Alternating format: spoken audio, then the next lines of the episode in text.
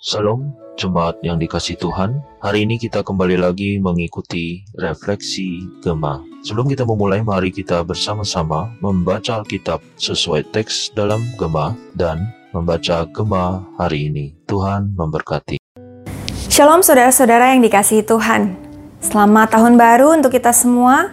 Kiranya di tahun yang baru kita boleh semakin setia untuk bersama-sama terus belajar mengenal Kristus lewat firman-Nya. Mari kita berdoa. Terima kasih Tuhan untuk penyertaan-Mu sepanjang tahun yang telah lalu. Di tahun yang baru kami kembali datang kami memohon agar Tuhan terus menyertai kami dan Kau berikan kami hati yang rindu untuk terus mengenal Tuhan lewat firman-Mu. Berbicaralah ya Tuhan karena kami anak-anak-Mu siap untuk mendengar. Di dalam namamu kami berdoa. Amin. Saudara, bacaan firman Tuhan hari ini terambil dari kitab 1 Tawarik 6.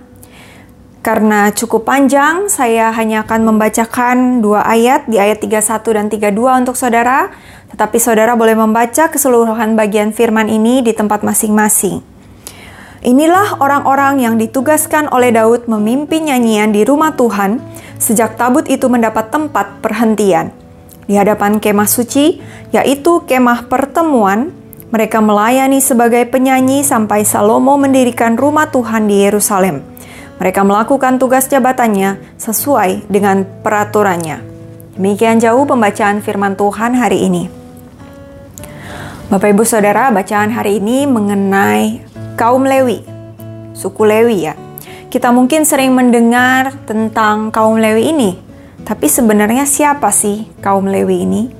Jadi kaum Lewi adalah keturunan dari suku Lewi, salah satu dari 12 suku Israel. Lewi adalah putra ketiga dari Yakub dan Lea. Sebelum masuk ke tanah perjanjian, Allah telah mengkhususkan suku Lewi ini untuk melakukan semua pekerjaan di kemah suci.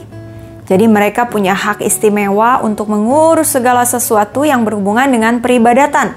Dengan kata lain, mereka berperan sebagai imam Nah, peran imam sebagai mediator antara bangsa Israel dan Allah ini merupakan peran yang sangat penting bagi bangsa Israel. Selanjutnya kita juga tahu bahwa kepada masing-masing suku Israel ini diberikan bagian tanah pusaka.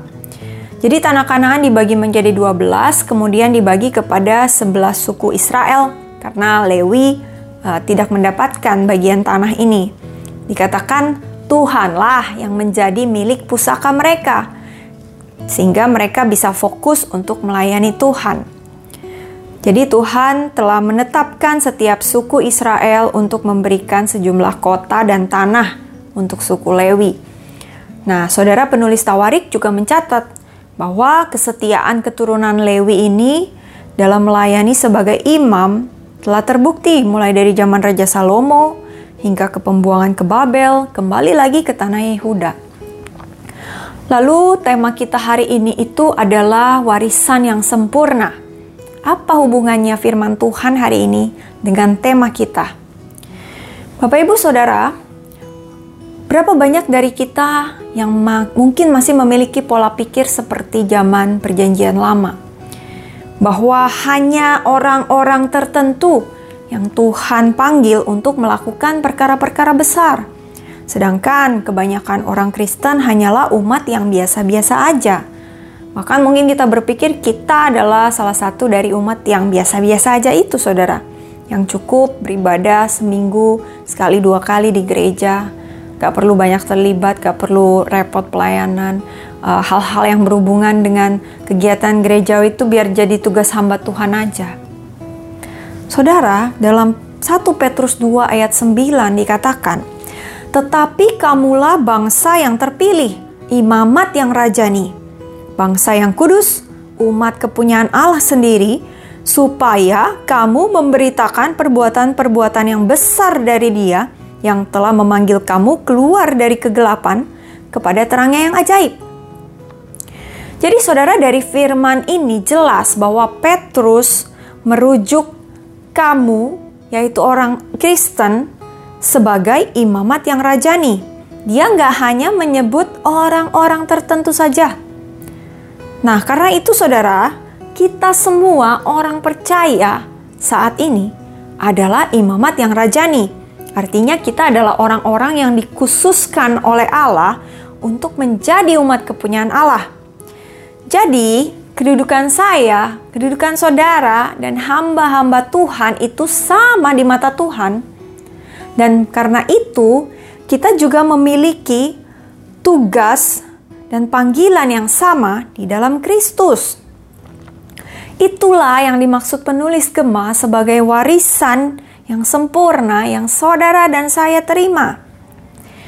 Nah, karena itu saudara sebagai orang-orang yang telah dikhususkan menjadi milik kepunyaan Allah, kita punya tugas untuk membawa orang-orang di sekeliling kita mengenal Allah. Kita juga harus menjalankan peran kita sebagai imamat yang rajani di mana pun dan kapan pun Tuhan menempatkan saudara dan saya baik di dalam keluarga kita, dalam pekerjaan kita, di sekolah kita, dan di gereja, saudara. Jadi nggak ada alasan lagi bagi kita untuk uh, berpikir bahwa hal-hal yang spesial, hal-hal yang rohani, hal-hal yang gerejawi, hal-hal yang besar itu hanya bagian hamba Tuhan aja. Gak ada alasan lagi bagi kita, saudara. Karena jelas Tuhan katakan kita semua sudah menerima warisan yang sama, warisan yang sempurna. Kita semua adalah orang-orang yang dipanggil oleh Allah.